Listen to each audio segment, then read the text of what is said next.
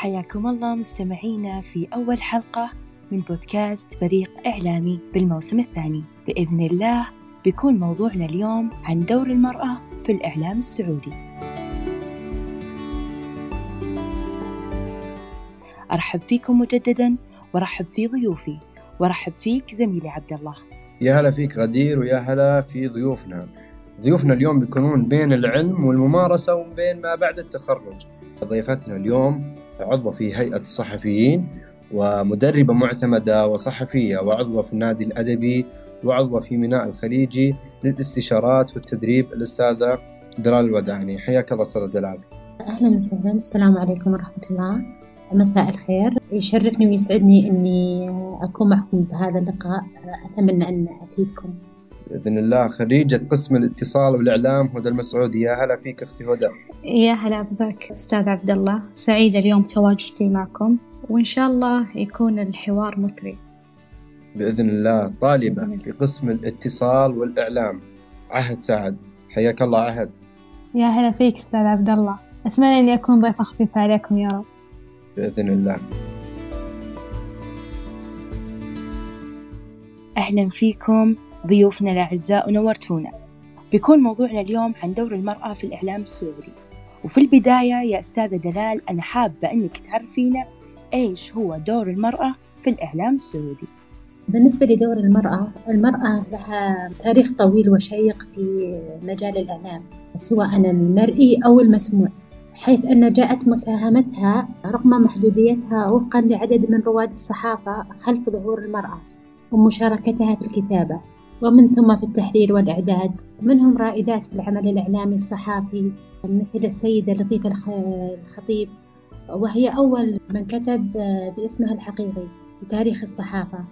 كذلك السيدة صفية عبد السميع والسيدة أمنا الفاضلة ثريا قابل وكذلك أول مديرة تحرير هي السيدة سارة الكتامي وهي أول من أشرف على أول قسم نسائي فتح في تاريخ الصحف السعودية وذلك عام 1977 في صحيفة عكاظ وهي تعتبر أول صحيفة منحت حق التفرغ الكامل للصحافة السعودية. أيضا أول رئيسة تحرير فهي الدكتورة فاتنة شاكر. التي تبوأت هذا المنصب عام 1980 عندما عينت رئيسة لتحرير مجلة سيدتي. كذلك في مجال الإذاعة والتلفاز السيدة دينا بكر يونس في الإذاعة وأيضا نوال بخش والأستاذة سلوى شاكر وهدى الرشيد ومريم القامدي أسماء زعزوع وأبرزوا دورهم الإذاعي. آه جميل. طيب أستاذة دلال على حسب إجابتك هذه قديما تشوفي أن المرأة كان عندها مشكلة في إظهار اسمها الحقيقي أو كان عادي. يعني هل أه. كانت تواجهها مشكلة لو طلعت باسمها الحقيقي؟ نعم هذا راجع للعادات والتقاليد قديما يعني وما في أحد يدعمهم مثل الآن. يعني رأي شخصي كل شخص على حسب البيئة على حسب المجتمع. جميل جدا أستاذة دلال حسب معلوماتي أن أنت لا تحملين شهادة البكالوريوس الخاصة بالإعلام ولكن تحملين شهادة أخرى. أبغى أتحدث عن بدايتك في المجال الإعلامي بما أنك غير متخصصة في الإعلام أكاديميا. صحيح أنا بكالوريوس إدارة أعمال بالإضافة إلى دبلوم برمجة وتقنية معلومات. دخلت مجال الإعلام كهواية أحبها حصل لي موقف. بداية هو اللي جعلني أدخل في مجال الإعلام. كنت مشتركة في جائزة مسابقة مسابقة الشيخ عبد الوهاب الموسى للتميز. فكان كنت أبحث عن شواهد تتمكنني من أرفقها في في السي في تبعي المشاركة فجميع إنجازاتي لم أشاهدها. بالتالي ساعدتني مديرة الإدارة أذكر اسمها الله يجزاها خير. الأستاذة سميرة عبد الوهاب الموسى بحيث أنها كانت مديرة إدارة الإعلام التربوي لدينا بإدارة التعليم. فكانت تحفزني وأنا كنت ماسكة القسم الإعلامي في الإدارة لديها إدارة تعليم الكبار سابقا المنسقة الإعلامية والعلاقات العامة. فصارت تحفزني صرت أقرأ كيفية صياغة الأخبار أجمع الشواهد بالتالي جمعت في في كامل بالإنجازات يعتبر مرجع كامل متكامل حيث المناسبة الفعالية اسمها موقعها زمنها تكون حصن حصين ل- للشخص نفسه. جميل جدا. أنا أبغى نتكلم كلنا جميعا. أبغى هدى تشاركني وأبغى عهد تشاركني. آه، هدى أبغى اليوم أنت تشوفين إن المرأة أثبتت جر- الجدارة الكاملة في المجال الإعلامي. المرأة أثبتت حرفيا وفعليا دورها في المجال الإعلامي. لكن لو بتكلم عن المجال الإعلامي السعودي وسائل الإعلام لا زالت تعاني من مشكلات لا ترتقي إلى مستوى التحولات في القرن العشرين. يعني تعقيبا على كلام الأستاذة دلال هناك سيدات فاضلات في الإعلام السعودي أثبتوا جدارتهم بعد سنوات وعانوا وكافحوا. وهذا مناخ يعني المجال الإعلامي هو مناخ يسوده الدفاع. عن حرية الرأي والحق في التعبير في جميع القضايا الاجتماعية على جميع الأصعدة. والمرأة لاقت دور كبير في المجال الإعلامي وناصر قضاياها لكن كإعلام سعودي لا زال هناك بعض المشكلات التي لا ترتقي إلى المستوى. جميل جدا. عهد أنت تشوفين إن المرأة اليوم تثبت جدارتها في المجال الإعلامي؟ أكيد طبعا تثبت جدارتها لأنه لها دور فعال وملموس في دفع عجلة التطور الاجتماعي والإعلامي أيضا.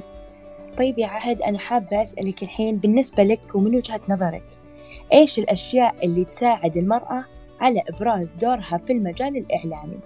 أكيد طبعا دراستها تعليمها ثقتها ثقافتها وعيها هذا الشيء يخليها تثبت نفسها. جميل. جدا. هدى أنا أبغى أتكلم معاك عن دور المرأة بالإعلام. اليوم إحنا نشوف أن المرأة توصل الرسالة الإعلامية ولكن في البعض ما نرى بعض الجوائز اللي تفيد الجهة الإعلامية. آه، أنت ب- من وجهة نظرك تشوفين أن المرأة قادرة أن تخرج في الإعلام وتحصد الجوائز التي تفيد الجهة الإعلامية؟ أيوه. شو دور المرأة في الإعلام بشكل علمي أكثر؟ هو على أربع محاور. على محاور التعددية والاستقلال والوسائل وسلامة الوسائل. لكن الإعلام ركيزته مش على نوع الجنس أو هي امرأة أو غير يعني أو رجل. ركيزة الإعلام الأساسية على الكفاءة. حتى وإن كانت امرأة هناك كثير حصلوا على جوائز. من ضمنهم تقريبا هدى الرشيد. فتقريبا يعني أنا أعتقد أنه الإعلام يركز على كفاءة الشخص مش على أنه المرأة فقط. المرأة حصلت على جوائز ولليوم تحصل على جوائز لكن هو يعتمد في الأول والأخير على كفاءتها. يعني لو كان في كفاءة تمام راح تحصل على الجائزة. مش فقط تحصل على الجائزة بما أنها امرأة. جميل جدا. جميل جدا. طيب أستاذة دلال هل توافقين هدى بكلامها أو عندك وجهة نظر أخرى؟ نعم أوافقها وبقوة. كلام صحيح.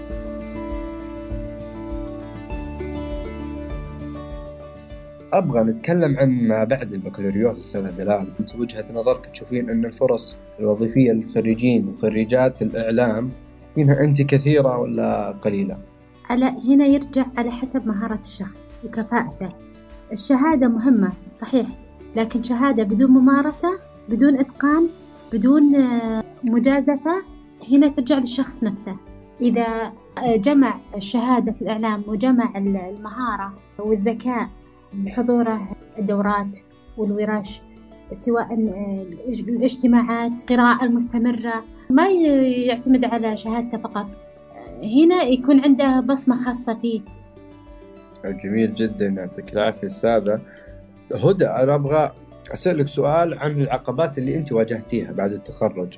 في عقبات كثيرة إحنا نواجهها كطلبة سواء كنا إحنا من الشباب أو حتى من فئة البنات. صحيح إيه، أنت بعد التخرج إيش العقبات اللي واجهتيها؟ واجهت أول عقبة اللي هي أنه في أثناء الدراسة الجامعية ما في تخصص محدد لي بحيث أنه تخرجت أنا في بحر الإعلام في بحر يعني ما حددت في مجال معين لأنه كانت خطة الدراسة في الجامعة أنه يتخرج الطالب ملم بجميع آه، أساسيات الإعلام من صحافة من إذاعة من تلفزيون إلى آخره.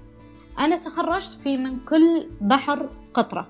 هذه أول مشكلة واجهتني بحيث إيه. أنه أنا لحد الآن ما قدرت أسس نفسي في مجال معين في الإعلام. وهذا يصعب على الإعلامي يعني المبتدئ أو أغلب الإعلاميين اللي بدوا في المجال دائما يبحثون عن أنفسهم.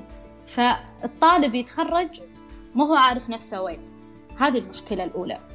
المشكلة الثانية الاستقطاب للمؤسسات والهيئات ما في جهة تستقطب يعني تستقطب الطالب بحيث إنه مثلا في مجال محدد أنا راح أتبع معاك لحد ما تخرج كذا كذا طيب هدى بقول لك نقطة أنت ذكرتي قلتي إن الطالب ما يعرف نفسه وين صح؟ نعم طيب التقصير من مين؟ من الطالب؟ من الجامعة مثلا؟ من بعض الجهات الإعلامية؟ التقصير أولا وأخيرا يعني الكلية نفسها التخصص نفسه. آه مثلا تحملين تحملين اللوم على مثلا نقول الجهة الدراسية صح؟ الج... نعم الجهة الدراسية هي الأساس. يعني أنا الآن طالبة تخرجت إعلام واتصال مسار إعلام. جميل. تمام؟ آه يعني هدى هدى. أيوة. استاذة أستاذة دلال يبدو أن عندها رأي. أختي هدى أنا معك حبيبتي. هل مارستي أنشطة إعلامية حققتي فيها ذاتك وأنشطة وعلاقات عامة خارج الجامعة؟ نعم أنا أثناء الدراسة من أثناء الدراسة الجامعية حتى لما أخذت الشهادة وخلصتي أنا ليش أنا أقول إن الشهادة بعضهم يأخذون الشهادة الشهادة هي سلاح لكن نعم. لا لكن أنت لازم تحاربين بهذا السلاح لازم تشاركين في الأنشطة مو صحيح. ضروري تكونين مبلغ مادي بتطوع لا لا أكيد أكيد. التطوع آه أنا تقريبا عندنا ما شاء الله هيئة الصحفيين يستقطبون طلاب وطالبات الإعلام بشكل يعني الله يجزاهم خير صراحة. أيضا النادي الأدبي آه أيضا المجالات يعني صحيح. كثير يستقطبون. صحيح أنا معك. أنا تقريبا في النادي الأدبي قضيت سنة كاملة وفي هيئة الصحفيين تقريبا من قريب يعني. وبالنسبة للتطوع أنا تطوعت في مجال الإعلام كثير وحاصلة ممكن نتكلم إحنا راح نتكلم عن مجال التطوع الإعلامي أيوة. في مواقف أخرى. طيب هدى أنا أبغى أتكلم عنك شخصيا. بعد التخرج أنت إيش عملتي؟ أول حاجة عملتها بديت تقريبا في الكتابة الصحفية. بديت أتعامل مع الصحف الإلكترونية. يعني هل لك مقالات تقارير أخبار صحفية؟ أه نعم. معدودة. للأمانة معدودة جدا لأني ما أجد نفسي دائما في الكتابة. طيب تقريبا. ليش ما طورتي نفسك في الجانب اللي أنت تشوفين فيه؟ انك تمام. كويس. أنا أطور نفسي الآن في الجانب اللي أنا أشوف نفسي فيه اللي هو جانب البحث.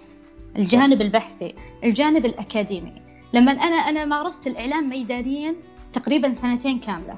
آخر سنة في الجامعة السنة ما قبل الأخيرة والسنة الأخيرة. لما مارست ميدانيا تقريبا اكتشفت نسبة بسيطة من أنا جميل جدا. نعم. جميل جداً. فلجأت الآن أكاديميا. يعني رجعت أكاديميا مرة إيه ثانية؟ تقريبا قدمت على الدراسات العليا وبإذن الله الله ييسر.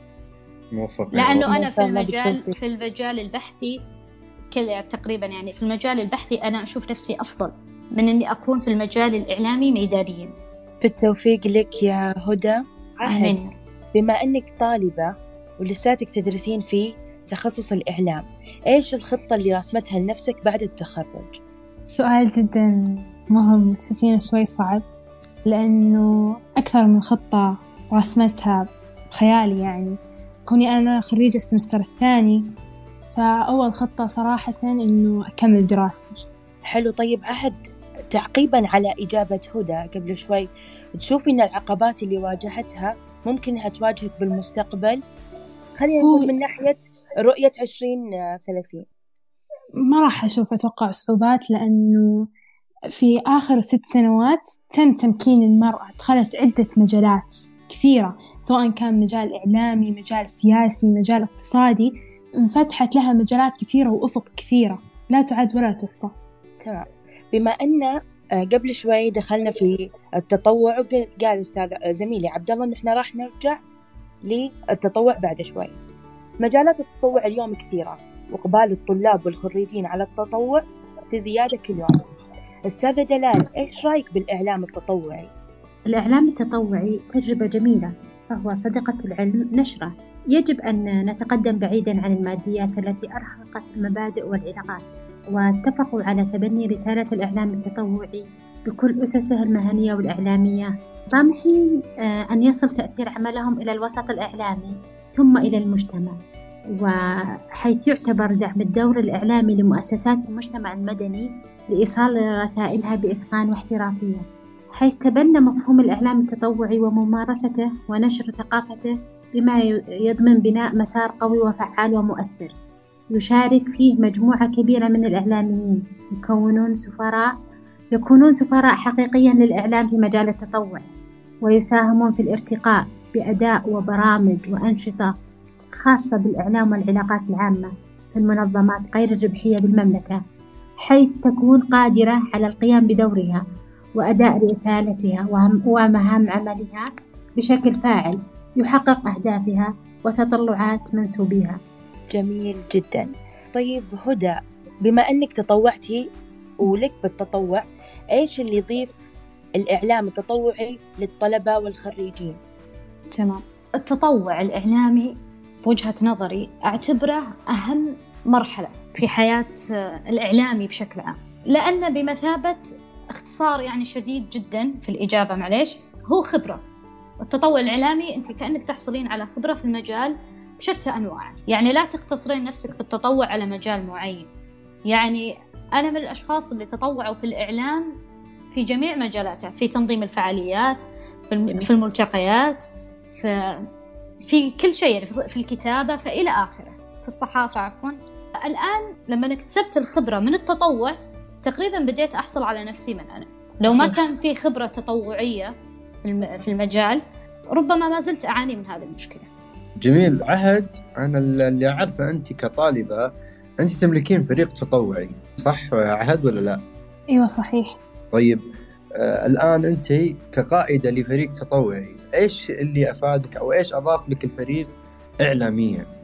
أول شيء أضاف لي علاقات علاقات سواء كانت عامة أو خاصة أضاف لي لمسيرتي الإعلامية يعني لما تكون أنت ماسك فريق فأحس يعني لما تكتبه في السي في حقك فيضيف لك مثل ما قالت آه، أخت هدى هو خبرة في الأخير.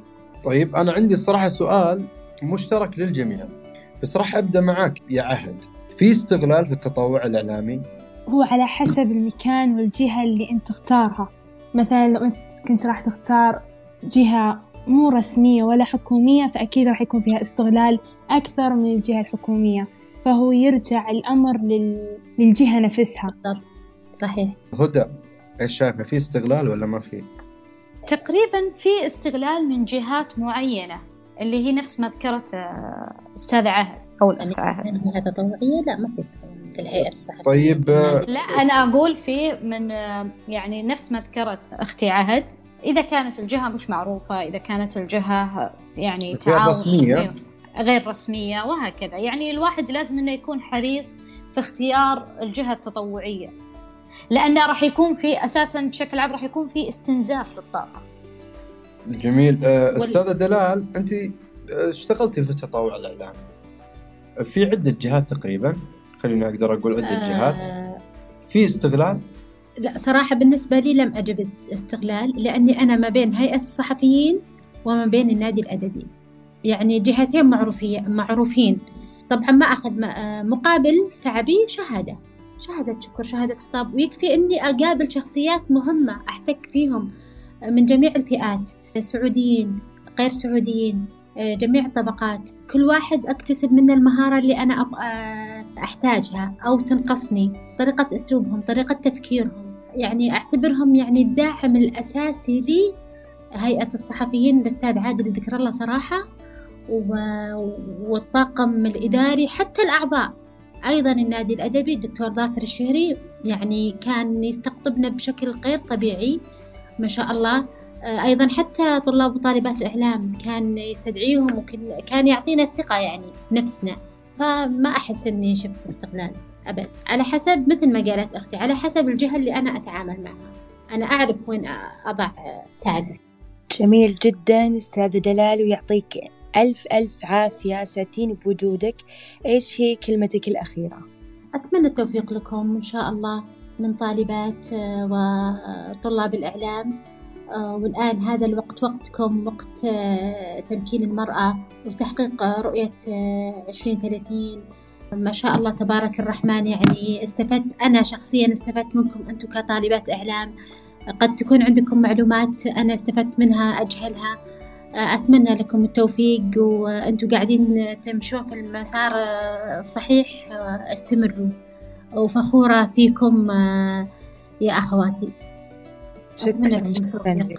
آه نورتيني يا هدى أيضا وأسعدتيني بوجودك. إيش هي كلمتك كل الأخيرة؟ الشكر لك. كلمتي الأخيرة اللي هو آه الإعلام هو اليوم بديل الأمل للفرد وهو اللي في المجتمعات اللي تؤمن بضرورة التطور. وبحيث أنه يكون يوم غد شيئا مثير. هذه الرسالة الأولى والأخيرة للإعلام. كما أتمنى أتمنى لكم التوفيق جميعا. شكرا لكم على هذه الاستضافة. شكرا لك يا هدى. أحد شرفتيني ونورتيني آه كلمتك الأخيرة. لا تجعلون من الصعوبات والعقبات لكم عائق اجعلوها تحدي لكم وكملوا مسيرتكم. وشاكرة لكم استضافتكم لي. بإذن الله. كل الشكر لضيوفي الأعزاء. بالنهاية أشكركم مستمعينا لاستماعكم لبريق إعلامي في الموسم الأول وإن شاء الله إحنا معاكم في الموسم الثاني لحلقات عديدة. إن شاء الله أنها تضيف للمستمعين وتضيف لنا إحنا بعد كمذيعين لبريق إعلامي. تستحق المرأة السعودية كل الشكر لإثبات قوتها لمكانتها العملية بكل إتقان بين المجتمعات الأخرى. شكرا إلى كل سيدة سعودية. كنت معكم أنا عبد الله الشعيب وزميلتي غدير إبراهيم. دمتم بود. في حفظ الله. يعطيكم العافية.